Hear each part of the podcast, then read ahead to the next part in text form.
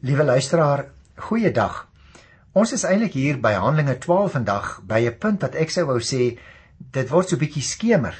Hierdie hele verhaal vir die uitdra van die evangelie van Jerusalem na Rome toe. Hoekom sê ek dit? Omdat ons hier lees van Jakobus, die wonderlike leier van die kerk in Jerusalem. Hy was waarskynlik die eie broer van die Here Jesus dat hy doodgemaak is en dat Petrus gevange geneem is.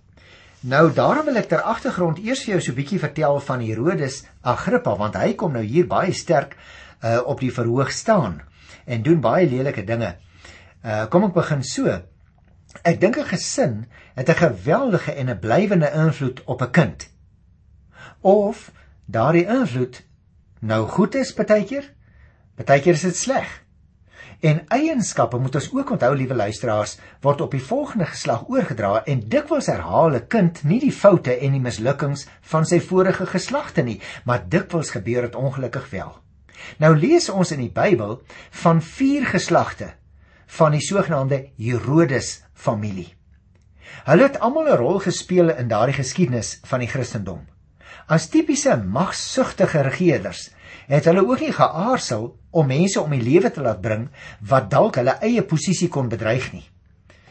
Tussen hakies jy sal miskien nog onthou, Matteus het vir ons die verhaal vertel van Herodes die Grote wat die seentjies van Bethlehem laat doodmaak het in 'n poging om die Messias om die lewe te bring. Herodes Antipas, sal jy onthou, het vir Johannes die Doper laat ontdoof en hy was betrokke by Jesus se verhoor Hy het 'n baie baie guldige geleentheid om die Here Jesus vry te spreek deur sy vingers laat glip. Herodes Agrippa die eerste het die apostel Jakobus laat doodmaak en dis oor hom dat ek nou so 'n bietjie jou wil gesels. Uh want ons gaan nog later ook in Herodes Agrippa die tweede teekom wat die een was wat vir Paulus verhoor het. Nou maar goed. Kom ons praat eers 'n bietjie oor hierdie Herodes Agrippa die eerste. Hy moet ek sê het 'n redelik goeie verhouding met sy Joodse onderdane gehad. Die mense het hom in 'n baie groot mate aanvaar, juis omdat sy ouma Mariamne uit die Joodse koninklike familie was. Hoewel hy as 'n jong man in die dae van keiser Tiberius tronkstraf uitgedien het, het Rome op hierdie stadium van die geskiedenis vertroue in hom gehad en daarom het hy goed oor die weg gekom met keiser Caligula en ook met Claudius. Die Christelike beweging, liewe luisteraars, het Herodes nou onverwags die geleentheid gebied om die Jode se gunste te wen en hy het die kans aangegryp met albei sy hande. Jy sien, al hoe meer nie-Jode het by die Christene aangesluit en die skielike groei van die kerk het die Jode wat dit vroeër as 'n Joodse sekte verdra het, hewig ontstel. Mense kan dit baie goed verstaan. En daarom het hulle nou weer begin om die Christene te vervolg en was selfs die apostels nie van vervolging gevrybaar nie. Jakobus gaan ons nou nou lees byvoorbeeld is doodgemaak en Petrus is in die tronk gegooi. Herodes het egter kort voorlank 'n baie baie groot fout begaan. Kom ek sê sommer vir jou daarvan dan kan jy dit ook 'n gedagte hou. Terwyl hy op 'n stadium op besoek was aan Caesarea, het die mense hom as 'n god vereer. En hy het dit so aanvaar, kan jy dit glo? Lukas beskryf op 'n baie dramatiese manier hoe dat hierdie arrogansie van Herodes gestraf is toe hy kort daarna deur 'n uiters pynlike siekte getref is en binne 'n week is hy dood. Herodes Agrippa die 1ste het net so sy oupa, net so sy oom en net so sy seun naby die waarheid gekom, maar nie by die waarheid uitgekom nie. Vir hom was godsdiens net belangrik in soverre hy self politieke munt daaruit kon slaan. En daarom het hy sonder huiwering die eer wat God toegekom het vir homself toegeëien. Nou, liewe luisteraar, dis natuurlik nie 'n ongewone sonde nie, maar een wat dikwels voorkom. Ons is ook dikwels skuldig daaraan dat uh, ons baie keer trots is op ons eie prestasies, dat ons nie besef dat ons daarvoor ook die eer vir die Here moet gee nie. Nou daarom wil ek nou graag met jou gesels oor die konfrontasie waarvan ons lees uh hier in Handelinge met die 12de hoofstuk. En onthou ook luisteraar, ons het reeds by verskillende geleenthede uh vir mekaar gesê van die konfrontasie tussen die Jerusalemse gemeente en die Joodse raad. Nou hier word die verhaal van die Jerusalemse gemeente nou in 'n sekere sin afgesluit met 'n vertelling oor 'n besonder gevaarlike konfrontasie, naamlik die met koning Herodes Agrippa die 1ste. En daarom het ek nou nou vir jou so 'n bietjie breër van hom uh, inligting gegee. Hy bring vir Jakobus om die lewe en hy wil dieselfde met Petrus doen. Maar 'n engel van die Here verhang die bordjies onverwags. Die engel bevry vir Petrus. Ons gaan aan lees daarvan lees in vers 7 en hy maak vir Herodes dood. So gaan ons leer uit vers 23. Die verhaal van Petrus se bevryding word besonder lewendig en eintlik sou ek wou sê met 'n besondere stukkie humor daarbey vir ons vertel. Nou maar goed, kom ons uh, lees dan hierdie eerste 5 versies van Handelinge se 12de hoofstuk. In die tyd het koning Herodes party van die gemeentelede laat vang en hulle mishandel. Hy het vir Jakobus, die broer van Johannes, met die swaard laat doodmaak. Toe Johannes sien dat hy by die Jode byval vind, het hy nog verder gegaan en ook vir Petrus gevange laat neem. Dit het tydens die fees van die ongesuurde brood gebeur. Nadat Herodes vir Petrus laat vang het, het hy hom in die tronk gesit en hom deur 4 afdelings van 4 soldate elk laat bewaak. Herodes wou hom na die Paasfees vir die volk bring. So is hy dan in die tronk bewaak. Maar die gemeente het aanhoudend vir hom tot God gebid. Nou, liewe luisteraar, hierdie koning Herodes van vers 1 is dan nou Herodes Agrippa die eerste van wie ek jou net nou vertel het.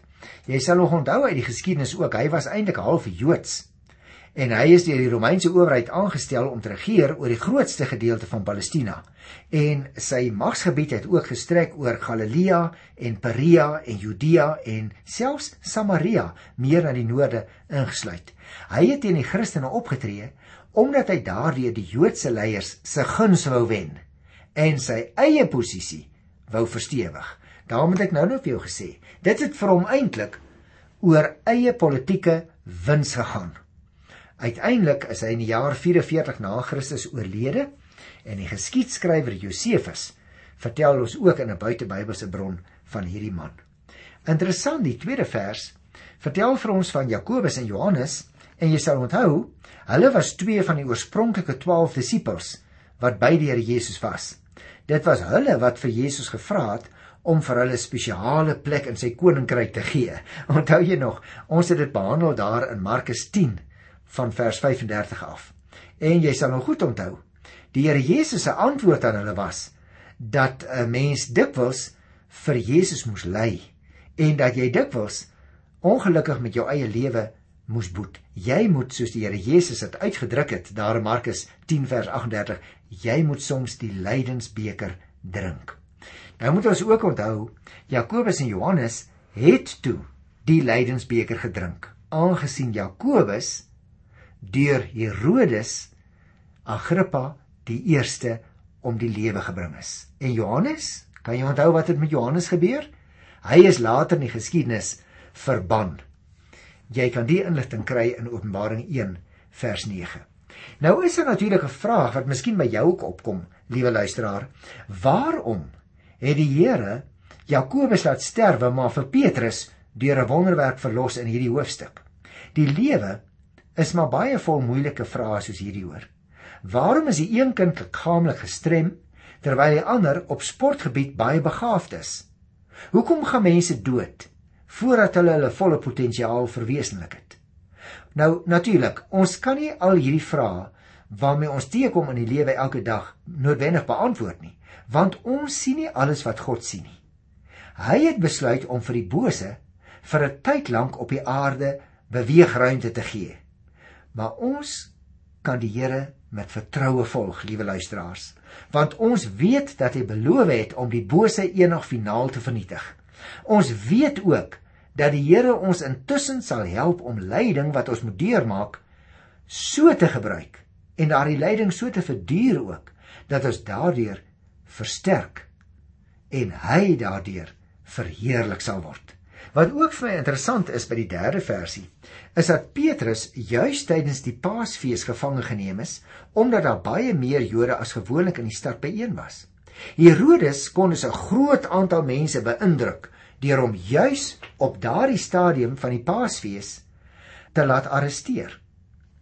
Terwyl ons ook nog terselfdertyd lees van mishandeling en van arrestasie en vervolging, daar in vers 5, sien ons skielik dat Lukas die belangrike woord maar gebruik. Hoekom? Herodes wou vir Petrus teregstel, maar die gemeente het aanhoudend vir hom gebid. Jy sien, God se antwoord het 'n betekenisvolle invloed op hierdie gebeure gehad. Ons leer in die Bybel dat gebed mense se gesindhede kan verander. Dat dit selfs gebeure kan verander. Daarom kan jy en mag jy en ek dikwels bid met groot vertroue dat die Here omstandighede wat byvoorbeeld in ons persoonlike lewe of in ons land se geskiedenis nie positief is nie, dat die Here dit sal verander. Maar nou moet jy oplet dat ons tog nie soos Herodes Agrippa die eerste moet wees dat ons wil hê die Here moet sekere dinge verander sodat dit tot my persoonlike voordeel kan wees nie. Dit gaan in die eerste plek in ons lewens oor die koninkryk van die Here en die wil van die Here in ons lewens, nie oor ons eie wil nie. Kom ons lees vers 6 tot by vers 11 waar Petrus nou bevry word uit die tronk. Die nag voordat Herodes hom voor die volk wou bring, het Petrus tussen twee soldate geslaap. Hy was met twee kettinge geboei en voor die deur het wagte die tronk bewaak. Met een staan daar 'n engel van die Here en daar skyn 'n lig in die sel. Die engel vat toe aan Petrus se sy om hom wakker te maak en hy sê vir hom: "Staan gou op." Onmiddellik het die boeie van sy hande afgeval. Toe sê die engel vir hom: "Maak jou gordel vas en trek jou skoene aan." Petrus het dit gedoen en toe sê die engel vir hom: "Trek jou boekleed aan en kom saam met my." Petrus het agter die engel aan uitgegaan sonder om te besef dat hy werklik bevry word.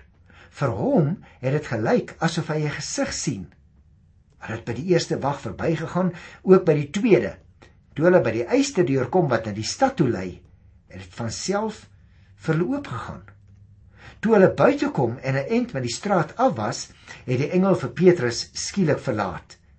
Toe dring dit op Petrus deur wat met hom gebeur het en hy dink: "Nou besef ek eers regtig dat die Here sy engel gestuur het om my uit die hande van Herodes te red en van alles wat die Joodse volk van plan was om te doen." Nou ons kry hier 'n baie interessante stukkie geskiedenis, nie waar nie? Petrus se situasie is eintlik menslike gespro menslik gesproke hopeloos, né? Hy's met kettinge vasgeboei. Daar's twee soldate aan wie hy vasgebind is met hierdie kettinge en skielik verskyn daar 'n engel en 'n lig om die Here se teenwoordigheid weer te gee en dit skyn in die sel. Nou wanneer Petrus vry is om te beweeg, kry hy die opdrag om sy onderkleed met sy gordel op te bind sodat dit hom nie dalk verhinder nie en daarna sy boekleed wat 'n mens nie binne sy huis gedra het in daardie tyd nie maar die engel sê dit moet hy nou aantrek Petrus gaan gehoorsaam die engel stap vir stap volg maar hy weet nog nie regtig wat dit gebeur wat dit besig is om met hom gebeur nie nou gaan hulle eers by die eerste wagte verby dan by die tweede wag dan kom hulle by die traliehek en dit gaan van self oop lees ons Die engel loop 'n end staan daar. Letterlik staan daar in die Griekse taal, hy loop een straat verder. En dan dan verdwyn hy net so skielik as wat hy gekom het. En as Petrus nou alleen is, dan besef hy eers, die Here het my verlos. Terwyl die volk waarskynlik verwag het dat Herodes hom gaan doodmaak.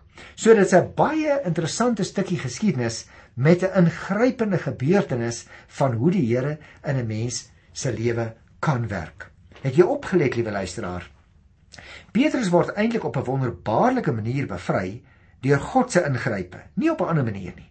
Alhoewel die verskyning van engele in ons tyd nou iets vreemds is, was dit vir Lukas as die skrywer van hierdie boek heeltemal aanvaarbaar in daardie tyd omdat engele juis in daardie tyd beskou is as die sigbare boodskappers van God wat nie self gesien kan word nie.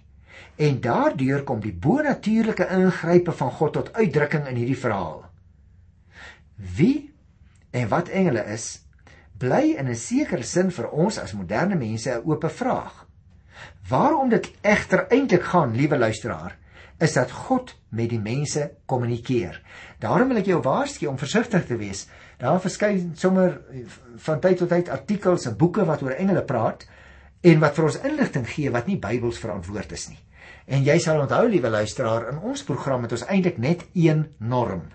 En dit is wat die Bybel vir ons sê. Daarom sal ek in die programme so tussen deur ook voortdurend vir jou sê wat die Here se woord vir ons sê oor die engele, maar meer gaan ek nie oor hulle spekuleer nie. Want ons hou in ons program ons streng aan dit wat die Bybel vir ons sê, want dit gaan juis in die program oor die Bybel vir vandag. Kom ons lees nou 'n bietjie verder van vers 12 af tot by vers 15. Ek is nog steeds by Handelinge 12. Met die gedagte is hy na die huis van Maria, die moeder van Johannes, wat ook Markus genoem is, waar daar baie gelowiges saam was om te bid. Hy het aan die voordeur geklop en 'n diensmeisie met die naam Rode het kom hoor wie dit is.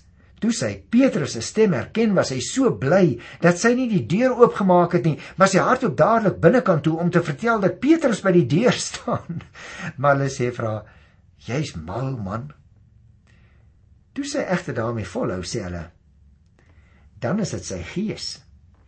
Nou kom ons gesels eers hier 'n bietjie want is eintlik uh so klein bietjie lagwekkend nie waar nie. Hierdie meisietjie sê skrik so groot toe sy ou Petrus se stem hoor as hy weet Petrus is eintlik in die tronk dat sy die glad nie die deur oopmaak. Sy hardloop net so terug in die kamer toe en sê vir die ouens: "Is Petrus is hier by die deur."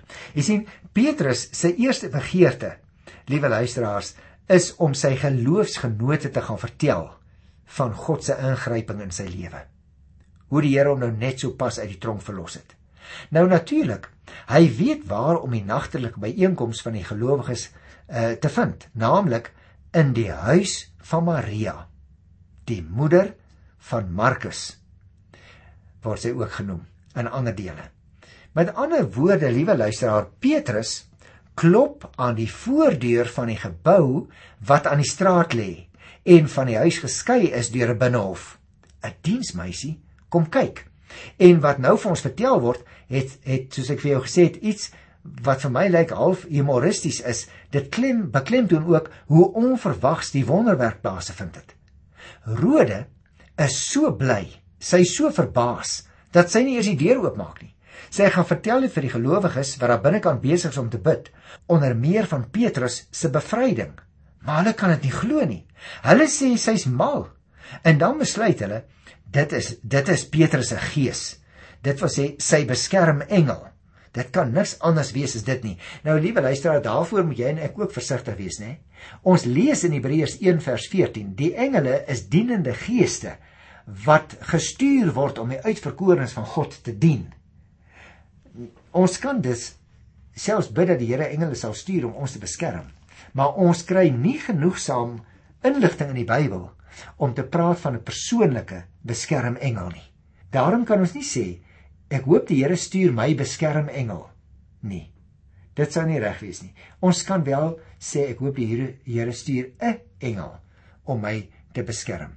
Die volksgeloof uh was in daardie tyd dat elke persoon 'n beskermengel gehad het wat sy ewebeeld is. Nou die volksgeloof uh is natuurlik nie vir ons ook bindend nie.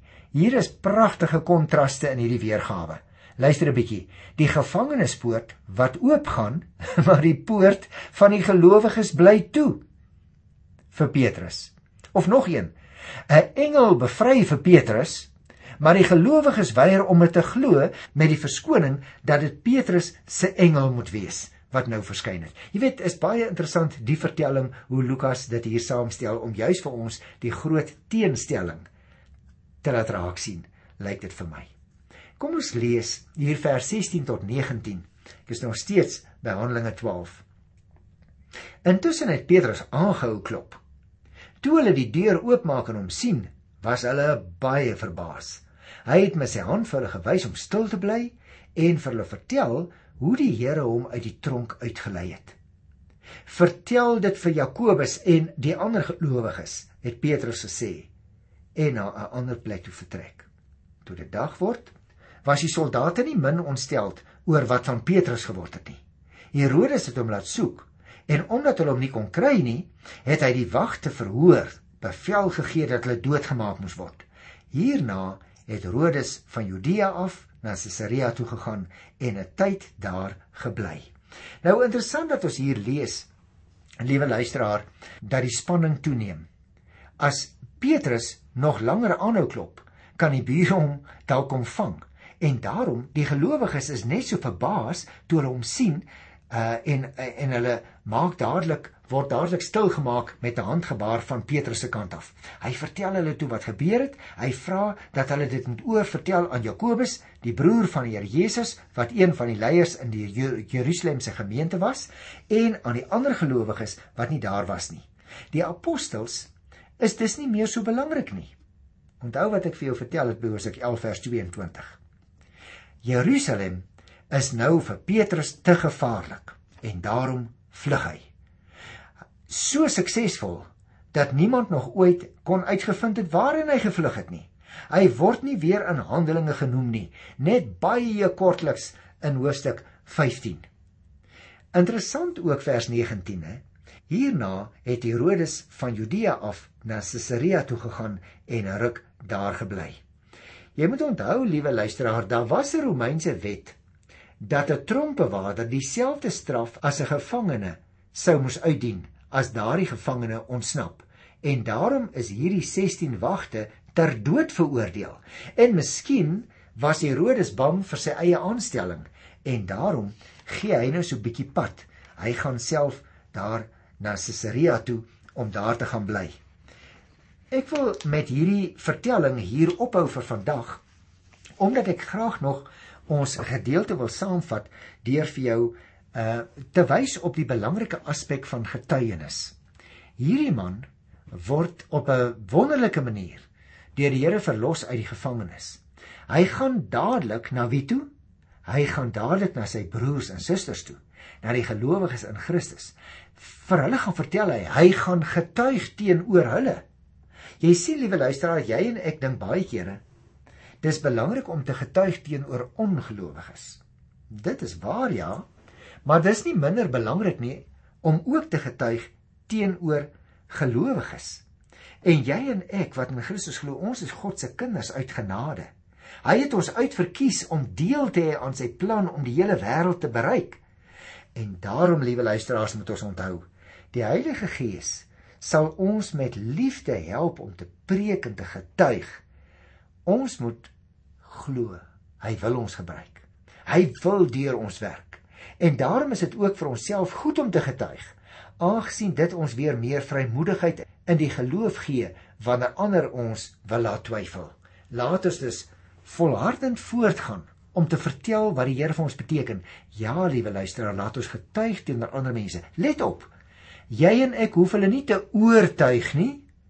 Dit is die werk van die Heilige Gees om mense te oortuig. Ons taak is om te getuig in die krag van die Gees. Mag ek afsluit om vir jou 'n eenvoudige vraag te vra. Getuig jy gereeld elke dag van wat die Here vir jou gedoen het? Nie hoe goed jy is nie. Getuig jy van wat die Here vir jou gedoen het? Ek groet jou in sy wonderlike naam.